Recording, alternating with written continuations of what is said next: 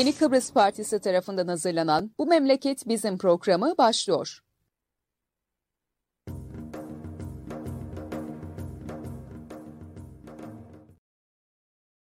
Evet, bugün Yeni Kıbrıs Partisi'nin Yeni Çağ Gazetesi ile birlikte hazırlayıp sunduğu Bu Memleket Bizim programının 2023'teki 7. yayınındayız. Bugün ben Murat Kanatlı, Alpay Durduran'la beraberiz. Alpay Durduran bize Kıbrıs konusunda ve ülkede yaşanan son gelişmeleri de değerlendirecek.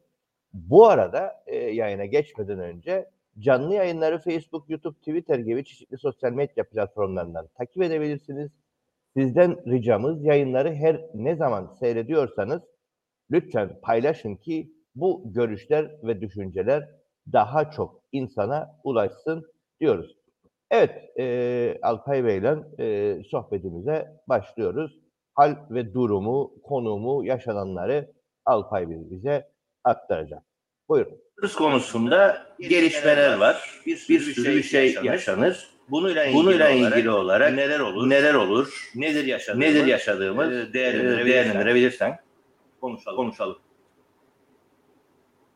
Kıbrıs konusu maalesef dünyanın bir sorunu olarak da aynı zamanda yani bizim sorunumuz olmakla birlikte dünyanın sorunu olarak da hala devam etmektedir. Bunun için yapılanlar sorunu çözmek için iddiasıyla yapılır. Ancak kendine yontacak şekilde karşılıklı öneriler, adımlar vesaireler görülür ve sonuçta alınmaz. Ne yazık ki günümüzün çıkmaz sorunlarının doğal karakteridir. Yani sorunu çözme yerine bu arada başka bir şeyler kazanmayı dahi düşünebilmektedirler. Yani mevcut sorunu çözüp de sıkıntılardan kurtulmayı amaçlamaya kalkacaklarına bunlar bundan başka şeyler daha çıkarmaya çalışırlar. İki tarafta ne yazık ki bu tutum içerisindedir. E bunun efendim hakkı olanı, haksız olanı, işte hakkı yeneni, e, daha fazla haklı olanı falan gibi değerlendirmeler hep bu stadigoyu, bu tanımladığım şekli sürdürebilmek için kullanılan ve uydurulan şeylerdirler. Bir kısmı da uydurmadır. Yalan yanlış da vardır. Örneğin e, bir ara Annan planı diye bir dönem yaşandı. Bunun hakkında kitaplar da yazıldı. Ve görülür ki Annan planında reddedildi. Birleşmiş Milletler'in desteklediği plan reddedildi. Reddeden taraflar bunun sonunda ben evet diyordum da o hayır dedi. O hayır diyordu da ben evet dediydim. Bilmem ne gibi bir tartışma içerisinde hala gitmektedirler.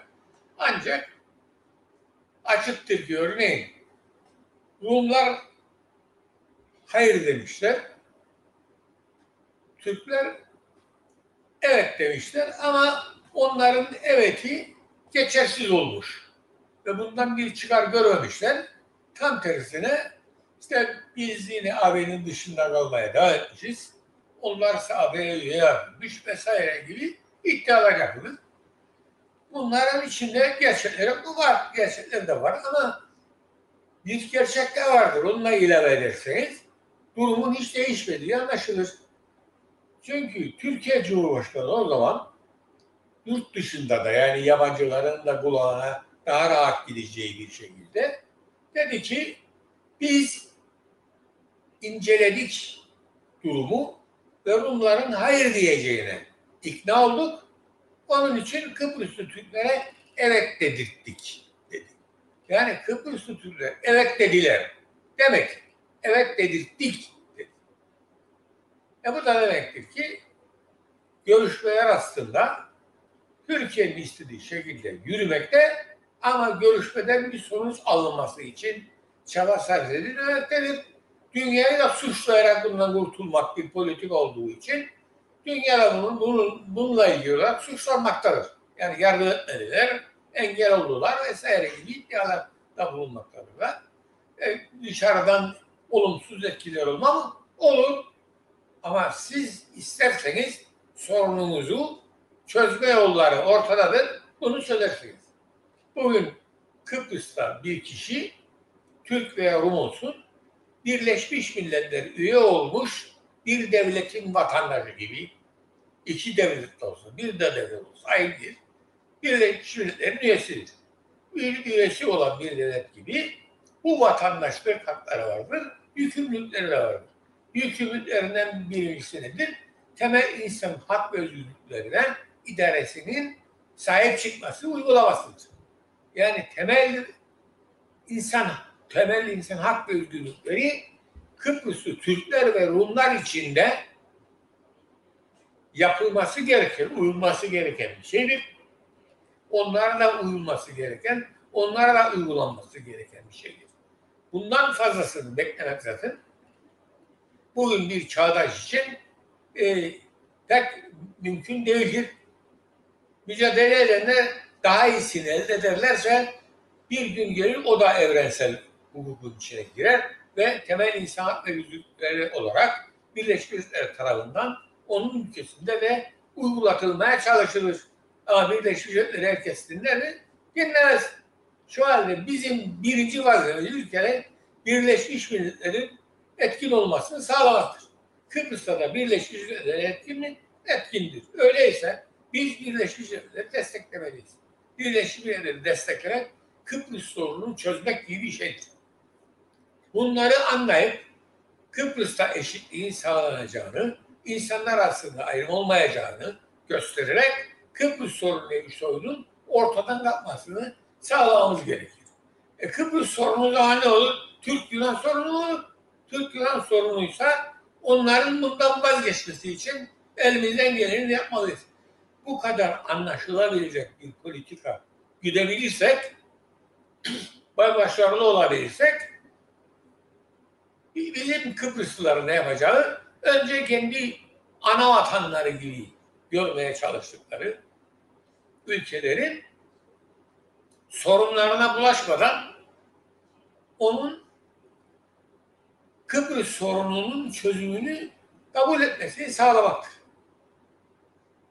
Eğer kabul ederseniz siz kendiniz ister iki parça üzerinde olsun, ister tüm Kıbrıs üzerinde olsun ki Kıbrıs'ın üzerinde, bütünü üzerinde de söz sahibi olacağınız için en iyi çözüm olur ve Kıbrıs sorununun çözümü de dünya örnek olarak gösterilebilir.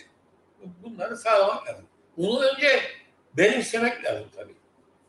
Önce benimsemek lazım derken benimsemeleri diye bunu bırakmak da yok. Çünkü bu dünya içinde bir sorun.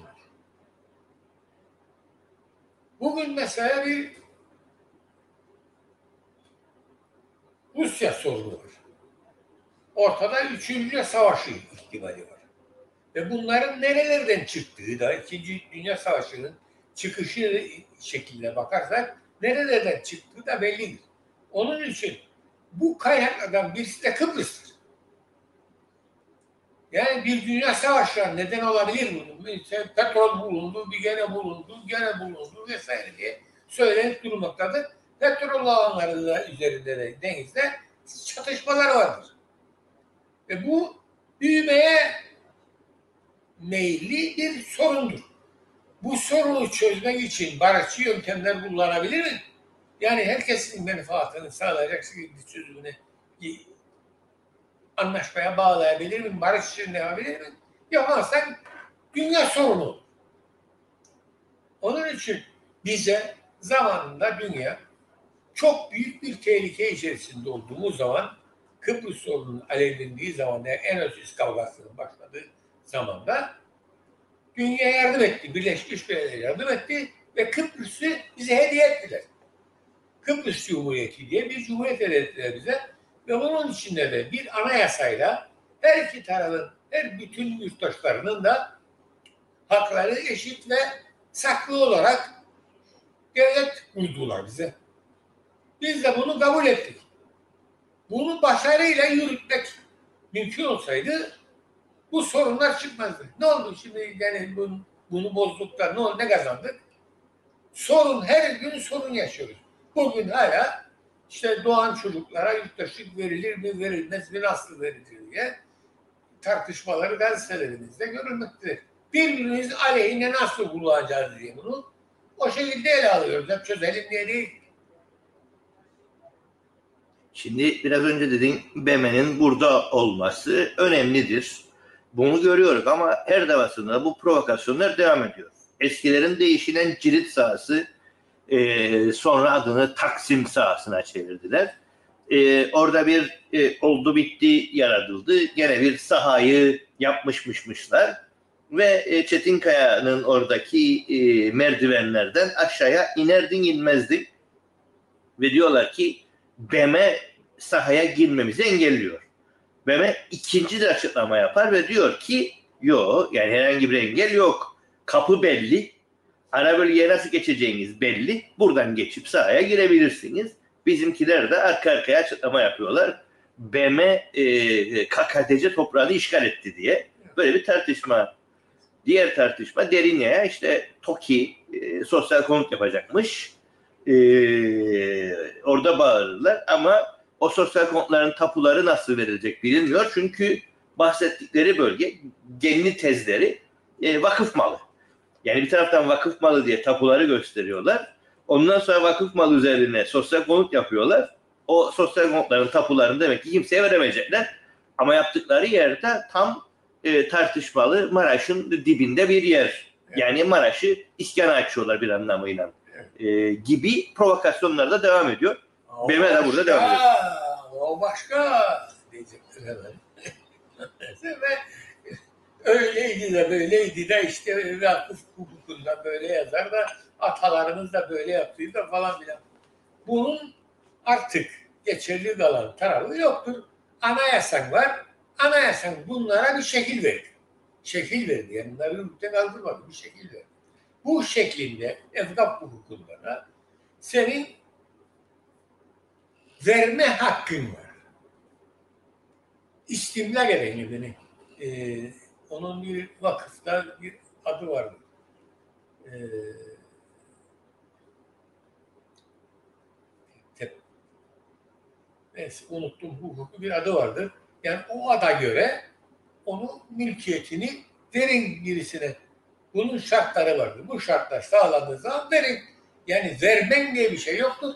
Ve ben zamanında meclisteyken bu konuda bir takım konular görüşüldü.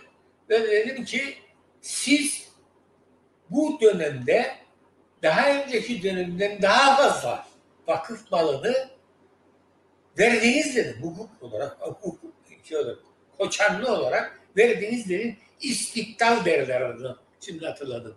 İstiklal ettiğiniz ve verdiğiniz bunu nasıl ver, verilmez malı. Ve sizin istiklal ettiğiniz miktar daha önceki devirde istiklal edilip edilmediği konuşulmakta mallardan şey olarak dönüm olarak daha fazladır. Yani siz daha fazlasını verdiniz. Bizim zamanımızda bunu onun için kime anlatacaksınız ya vermek yasaktır da nereden oldu diye dedi. Ve üstelik arada İngiliz sömürge yönetimi, İngiliz yönetimi zamanında bu konuda kararlar aldı ve Kıbrıs'ta tapuyu yüzde yüz tamamlamış olan ülke ünvanını aldı Kıbrıs. Kıbrıs sömürge idaresi dünyada tapusunu tamamlayan ülke ünvanını aldı. Bunu gerçekleştirdi İngiliz tapucusu da Sir ünvanı aldı İngiltere'de. Ve biz bunları ilkokulda okurduk ve ihtiyar ederdik memleketimizde. E nasıl olur ya? Tapusu belli olmuş. Bizim zamanımızda bunun tapuları bitmiş. Tapu kanunu çıkmış. Kant kanunu uygulanmış ve bu iş bitirilmiş. Ve şimdi sen bana vereceksin öyle oldu böyle oldu. Bu tapular geçerlidir ve bizim anayasa yüksek mahkememizde, anayasa mahkemesi mahkememizde karar verdi bu konuda görüş bildirdi ve dedi ki bu mallar kimin adına tapuda kayıtlıysa ona aittir dedi. Çünkü bu tapu devri devri kapatılmıştır 1960'da. bu kadar açık bir konuda hala Evvaf da aynı şeyi yapar. Televizyonlarda var var var bağırır bizi tahrik ederler. Kendi kanunlarımızı çiğneyelim ve tapuyu iptal edelim. Başka şeyler uygulayalım onun yerine. Evet. eee, bu provokasyonlar devam ederken güneyde de bir seçim var. Belli ki orada da eee Anastasiadis aday değil, eee, başkan değişecek. Eee, ama eee, bu arada da biraz önce gene konuştuk. Görüştülerdi, görüşmedilerdi. Eee Tatar birkaç defa zaten 3 aylık ömrü var, 5 aylık ömrü var deyip Anastasiadis'i görüşmeyeceğim dedi. Ama ikinci kez e, sosyal mosyal deyip e, görüşüyorlar. Demek ki Kıbrıs konusunda da e, her şey kapanmadı bir şekilde. Devam ediyor süreç. Yani hep alıştık zaten biz bu manevralara. İşte bitti, bizim son sözümüzü söyledik falan. Bunu kabul etmezlerse bir şey olmaz artık bunu kapattık falan derler. Arkasından da işte iyi niyetinizi göstermek amacıyla bize bir şeyler söylesinler. Biz de onlara ileri sürerek yeniden bir görüşmeleri başlayalım derler ve başlarlar. Bu da böyle gider. Yani sürüncemede bırakmak için konuları ne gerekiyorsa yapmayı öğrenmiş bulunuyoruz. En büyük ustalarımız da en fazla sürüncemede bırakanlar oluyor. Ama en büyük kahramanlar olarak ortaya çıkabiliyor. Ama onlara da arada bir tokat attıklarında görüyoruz. Mesela bizim büyük ebedi liderimiz Denktaş'la zamanında hepsine karşı çıktı. Anlam planına gelince ona da karşı çıkacaktı vesaire. Ama bir seferinde ona da dedi ki sen çekil kenara biz bunu ona yaptırarak üstünlüğünü ona yaptırdık. Ona yaptırmazlar mı? Ona yaptırmazlar. Yani bir yere gelir hepsi. Bu şey e, sorunları çözme e, hukuku ve şey e, teknikleri diye bir takım görüşmeler yaptılar, yaptırdı, yaptırdılar bizi üniversitelerde. Kıbrıs'tan birilerini davet ettiler. Onlar, onlar gittik oraya bunları izledik. Sorunlar nasıl aranır, nasıl çözülüyor nasıl sorunlar çıkarılır bunları öğrendik.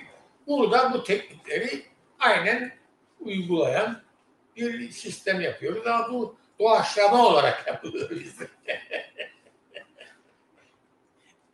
Biraz da içeri gelirsek müftünün son çıkışları, açıklamaları, e, Erhan Atlı dün dedi ki yahu dedi yani e, böyle böyle dedi ama Kur'an bellidir dedi. Kur'an'da bunlar yazmadı ama e, bir sürü hadis vardır dedi. Bizim dedi Ahmet Bey de dedi o hadislerden birini okudu dedi.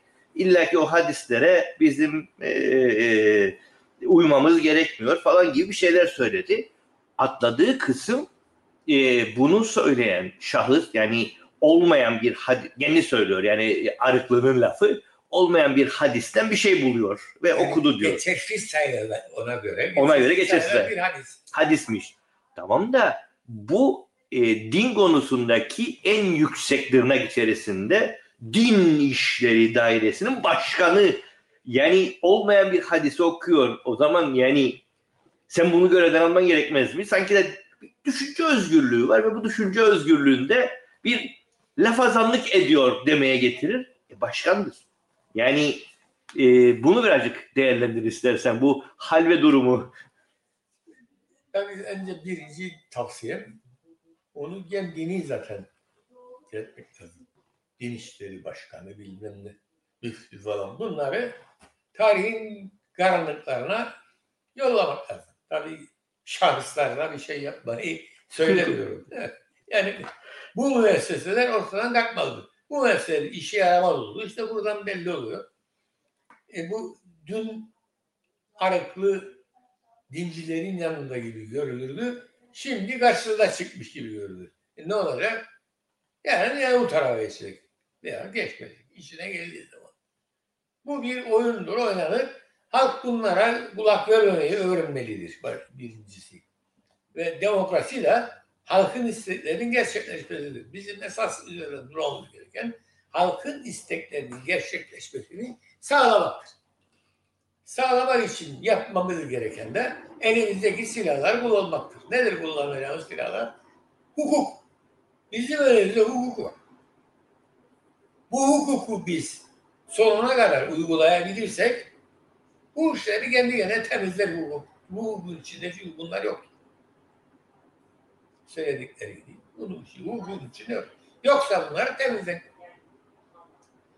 Hukuk çerçevesinde temizlen bunları. E nasıl çeviririz? Hukuk işleyecek. E nasıl işleyecek ya? Bu yıl gene geldik yılın sonuna işte. Yılbaşı başlayacak şey olarak, takvim olarak kamu çalışmalarının başlangıç tarihi olarak başlayacak. Bu başlayan takvimde bütün amirler lazım programlarını çıkarsınlar. Kimin nereye görevlendirdiğini söylesinler. Hepsi bunlar bildirilsin. Ve bunun geçen sene ne yaptıklarında raporlara verilsin. Buna göre derecelendirim olsun. Ve buna göre takip edilsinler. Terfi etsinler vesaire. Neyse yapılsın. Yapıldı mı böyle bir şey? E yasa diyor yazı yazar ama. E, bize yap demezler yapmadık. E kim diyeceğiydi? Bakanların diyeceğiydi ya. Senin amirlerin, müdürlerin, öbürleri? Müdürler, bana bir şey söylüyorlar, ne şey var. E sen müdürsün ya. Sen ne yapacaksın? E böyle bir yönetim. Nitekim gördük işte. Muhalefet oyunu artırdı. Mecliste sayılar eşitlendi. Toplantı yapılabilir, yapılamaz bildim ne tartışmalar yapılır. Çoğunluk temin edilmez diye. Buna güçler yürüdü gitti. E nasıl demokrasidir bu? Oturdular ara aranda neyin nasıl ele alınıp nasıl çözümleneceğini görüştüler. Buna göre usulleri uyguladılar ve mecliste milletvekillerinin daha çok katılımını sağlar bütün yasalarda. Yok. O onu kafaya aldı, bunu tarafına çekti. Bilmem ne numaralarıyla. Geçti geçti gitti. Yani hepsini değiştirseler demek ki bir şey olmayacak. O işte. Olur mu ya? Nasıl mümkün olur? Nasıl çalışabilir bu sistem? Çalışır işte biz de. Çünkü üstünde başka bir şey var. Güç. Bugün geldi işler gene Türkiye'den. Bir yıllık programı yaptılar, gittiler. Kim ilgilendi? Bir yıl bu devletin ne yapacağını yazdılar koydular oraya. Ben derim belki biri ilgilenir de gazete falan yayınlar da arabaya çıkmadan bir nüsha elime geçer. Yok. Bir şey durur orada, komite durur orada Türkiye'de. O komite bir yıl ne yapacağını yazar sana. Efendim şey varmış. program varmış da o programa uyarınca yaparlarmış. Kim baktı o programa? Ben yayınladım bir tanesini diyor ki hiçbir şekilde başarılı olmadı, uygulanmadı, neticeleri alınmadı bu programın diye. Ya, yazar ve bu haber oldu. Ben aldım bunu şey, internetten. Gittim ondan sonra dedim ki bana bir kopyasını dedim. Aldım kopyasını böyle bir şey yapmadım şimdi. evet, hep her şeyimiz yalan. Evet, e, bir de e, seninle hep konuştuğumuz ve bunun ne kadar sakat olduğunu hep bize anladırdın. E, bir ceza şu bu e, harçların asgari ücrete, asgari ücrete bağlanmasının ne kadar sıkıntılı şeyler doğuracağını konuşurduk. Törenle e, belediyeler arasında değiştirdiler.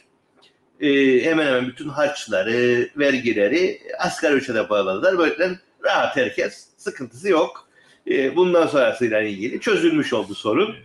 E, bununla ilgili olarak tekrardan unutanlara hatırlatalım.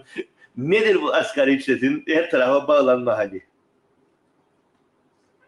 Bir, birincisi nedir bunun şeyi bahanesi yani para enflasyon dolayısıyla enflasyon ne demek yani paranın ortada bollanması dolayısıyla değerinin düşmesi. Bir mal çünkü çok sürülürse piyasaya fiyatı düşer. Bu paranın da fiyatı düşer. Ve bu bizim kaderimiz oldu. Neden? Çünkü huyumuz bu. Huyumuzun sonucu bu. Arz ve talep dengesi derler. Ona göre bu tayin olur kendiliğinden. Kader gibi şey olur. Bu paranın değeri düşünce bu sefer devletin aldığı vergi değersizleşir. Kim değersizleşir parayı? E, halk değersizleştirdi. Çünkü halk talep etti. Halk sürdü piyasaya. Halk talep etti. Yani her iki tarafında da halkın sorunu var. Ama halkın sorunu olması şey etmez. E, halkı suçlamaya getirmez. Ama sonuç olarak halk bunu isterse güzel değil. Yani bizim okullarda da okutulan bu kadar ekonometri kitabı var. Bunun içinde yazar bunların çareleri. Nasıl oluştuğu, nasıl kısıtlanıyor.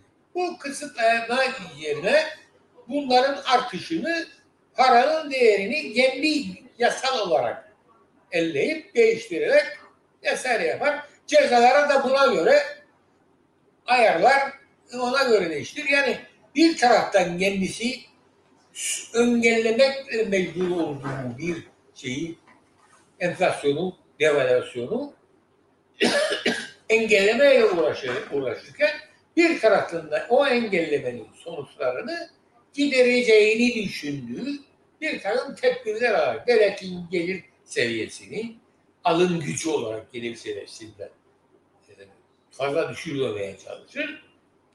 Düştüğü takdirde düzeltmek için de bir takım numaralar yapar. Ondan sonra da üretimi de düşmesine, bunların kötü etkilenmemesi için geldiği şey yapmak için cezalar koyar. Vergi affı getirir ondan sonra.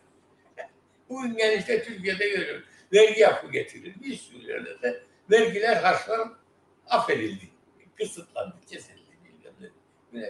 Bu bir spekülasyondur bunlar. Başka bir şey değil. Spekülasyondur. Devlet işlevini yerine getiremektedir. Piyasayı işleyebilir şekilde, sağlıklı bir şekilde tutamamaktadır. İnsanlar da bunlardan bir kısmı vurgun vurmaktadır, bir kısmı da zarar görmektedir. Çoğunluk zarar görmektedir. Üretim ilişkileri nedeniyle. Bunun çaresinde bulanlar ve o kadar bu iş karıştırılmıştır ki artık basın da teslim oldu. Bütün gün işte fiyatı düşürün, fiyat gene yükseldi, vah vah gene fiyatlar işte yükseldi, gene de yandık da yine cezalar artırıldı, gene şu da oldu da bu da oldu da seçim yaklaşınca da ah devlet işte bunu affetti, bunu azalttı, bilmem ne etti falan bunlar. Bunlar haberlerine uğraşıyor. Bunun esas nedenlerini halka sunup da bir şeyler yapılmasını istemez. Talep etmez şey, halktan. E, halk bunu nasıl yapacak? Halk da bu işin içerisine karıştı ve seçimleri istismar için kullanıyor. Ben nasıl bundan istifade edebilirim diye seçime yaklaşıyorum. Bunun böyle olduğu apaçık gözümüzün önündedir. Terfi edecek insanların kendilerine göre bulduğu kapılardır partiler. Yoksa bu hale getiren ülkeyi partilerin kapısına parti üyelerini başta girip vurup kırıp dövülüp kendilerini kapı dışarı etmesi lazım. Yani parti içerisinde demokrasi yok mu? Nasıl olmaz? Olur. İşte biz bizim partinin de şeyi var ve yüksek mahkemede sürekli devletler bizim. Buna rağmen bu işlerde böyle. Çünkü bir şey var eksik bu mekanizmanın bir yeri çalışmıyor. Çalışmayan yerine ne oldu bellidir. Bu çalışmayan yer yüksek kamu görevlileridir. Başta da milletvekilleri ve Cumhurbaşkanı olmak üzere. Bu zincirin içinde bu görevler çürütülmektedir. Bu apaşi gelir. Bunları yenilemek de seçimli olur. Ama seçim mekanizmasında bozduğu için içinde çıkılmayacak hale gelir. Çünkü seçimler dediğim gibi fırsatçılık olarak kullanılmış. Nasıl kazanabilirim ben diyenler tarafından. Ben ilk gördüğümde şok oldum. O zamanki bizim parti 40-50 üye yazmıştı. Bir şöyle yeni yeni partiler kuruldu. Adam geldi alsa 200 oy 200 üye getirdim. Ver bana bu kadar lira dedi. Yani vaat et vereceğini seçimden sonra dedi. Ben verileceğim savunları. E, bu alalım kendimi. Yani daha işin başında daha, daha seçim ilk seçim yapılarak karşılaştığım manzara buydu. Yani böyle olursan sen buraya gidelim. Ve dersen ki benim arkamda Türkiye var. Bu nasılsa bir çaresini de bulur. Bu şey tamamlanır. Evet. Son olarak ee, bizim çok önemli senin diyeceğin bu memlekette gündem bu olması gerekir ama çok konuşulmuyor diyeceğin bir durumu da ee, söyle sana göre. Herkes bir şey konuşuyor ama ee, bu da atlanmıştır dediğin bir durum varsa ona dair de ee, birkaç söz söyle ve bugünkü yayını bu haliyle kapatalım. Ben seçeyim yani. Evet. Yani sana göre atladığımız Evet. e, önemli bir konu ne var? Evet. Gözden kaçan. Bunu, buna mücadele edecek olan şey bu hukuki zincirin içerisinde memurların, yüksek memurların özellikle görevlerini yerine getirmeleridir. Bundan başlayacak iş tanımı ve iş değerlendirmesi raporları bila istisna belirlenip yazılıp uygulanmaya başlanacak ve savcılara bunların yapıldığını izlemek yapmayanları suç duyurusunda bulunup suçlanmak ve yargıya sevk etmek için göreve çağırmak. Bunların üzerinde durup bunu işletmek lazım. O meclise gidip de biz seçildik burada oyumuzun kıymeti de kalmadı. Çoğunluğu elde ettik diye sesimizi çıkaramıyoruz. Bilmem şu oluyor bu oluyor falan gibi şeyler. E, iktidar muhalefet böyle böyle gider yıllardır ve bir türlü muhalefetin dediği yönde bir yere gidiş olmuyor. E bunu sağlamak lazım. Başka çaresi yok. Yağlamak için de bunun devletin gücünü kullanması lazım. Devletin gücünü kullanmalıdır. Ve polis kesinlikle yasanın emrinde olmalıdır. E Türkiye'ye bağlanmış. Türkiye bağlı değildir polis. İstersen yoktur bağlı der biter. Çünkü yasal değildir bunlar. Ben yapacağım dedim. Çağırırsın polis yetkililerini, toplarsın yetkililerini kurulu. Kurulda bunları görüşsüzlüğüne dersin ki bundan sonra bu bu bu şekilde davranılacak polisler. Bunları da rapor edecek. Benim babam ilkokul öğretmeniydi. Eftarovi'den giderdi Lefkoşa'ya giriş için kapısına yazardı. Öğretmen ben evimi boş bırakıyorum. Üç gün polis gelir her üç gün kapısına mühür atardı. O kağıdın üzerine mühür atardı ve denetlendiğini gösterirdi. Bu yasa hala yürürlüktedir. Hatırlayan var mı? Arayıp bulabilen var mı? Runtarara gidip de o şeyi bulmayan, tüzüğü bulmadıkları takdirde. Hatırlayıp da buna bulabilecek olan var mı? Çarşı yasası. Ha, gene çarşı yasası konuşurlar. Sanki dünyanın sihirli bir şey oldu. ya bu çok önemli bir yasaydı zamanında uygulanırdı. Kim kaldırdı bunu yürürlükten?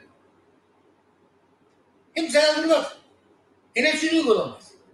Bizim anayasamız der ki uygulanmakta olan yasalar yürürlüktedir kaldırılıncaya kadar diye bunlar hakkında özel hükmü var anayasamızda. Eski yasalar, tüzükler vesaire hukuki nizam aynen yürürlüktedir kaldırılıncaya, değiştirilinceye kadar. Ve uygulanmıyor bu yasa ve devlet bunu senelerdir geçireceğim, geçireceğim, geçireceğim de geçirememiş hayflanır. Ve Sami üzüldü çok. Bunlar böyle yapar. Geçen hafta gene yayınlandı gazeteler. E, nereye gidelim? Yani hiç çaresi yok. Bu baştan aşağıya çürümüş bir rejimdir ya. O evet de tabii ki en az mesela benim gibi de böyle ayrıntısına kadar devamlı inceleyip de e, şeyler çıkaracak değil bunun içerisinde. Ama muhalefet de bu konuda yeterince bilgili değildir. Yani yapacak olsa daha öncekileri yaptığını yapacak. CTB geldi hükümete. Zamanda ne oldu, neler olduğunu gördük hükümetteyken. Orada aciz içinde bakınırdı. Vurdular da öldürdüler. Bunlar bakınırdı. Bizi bombalarlar, bizi kendi bakınırlar.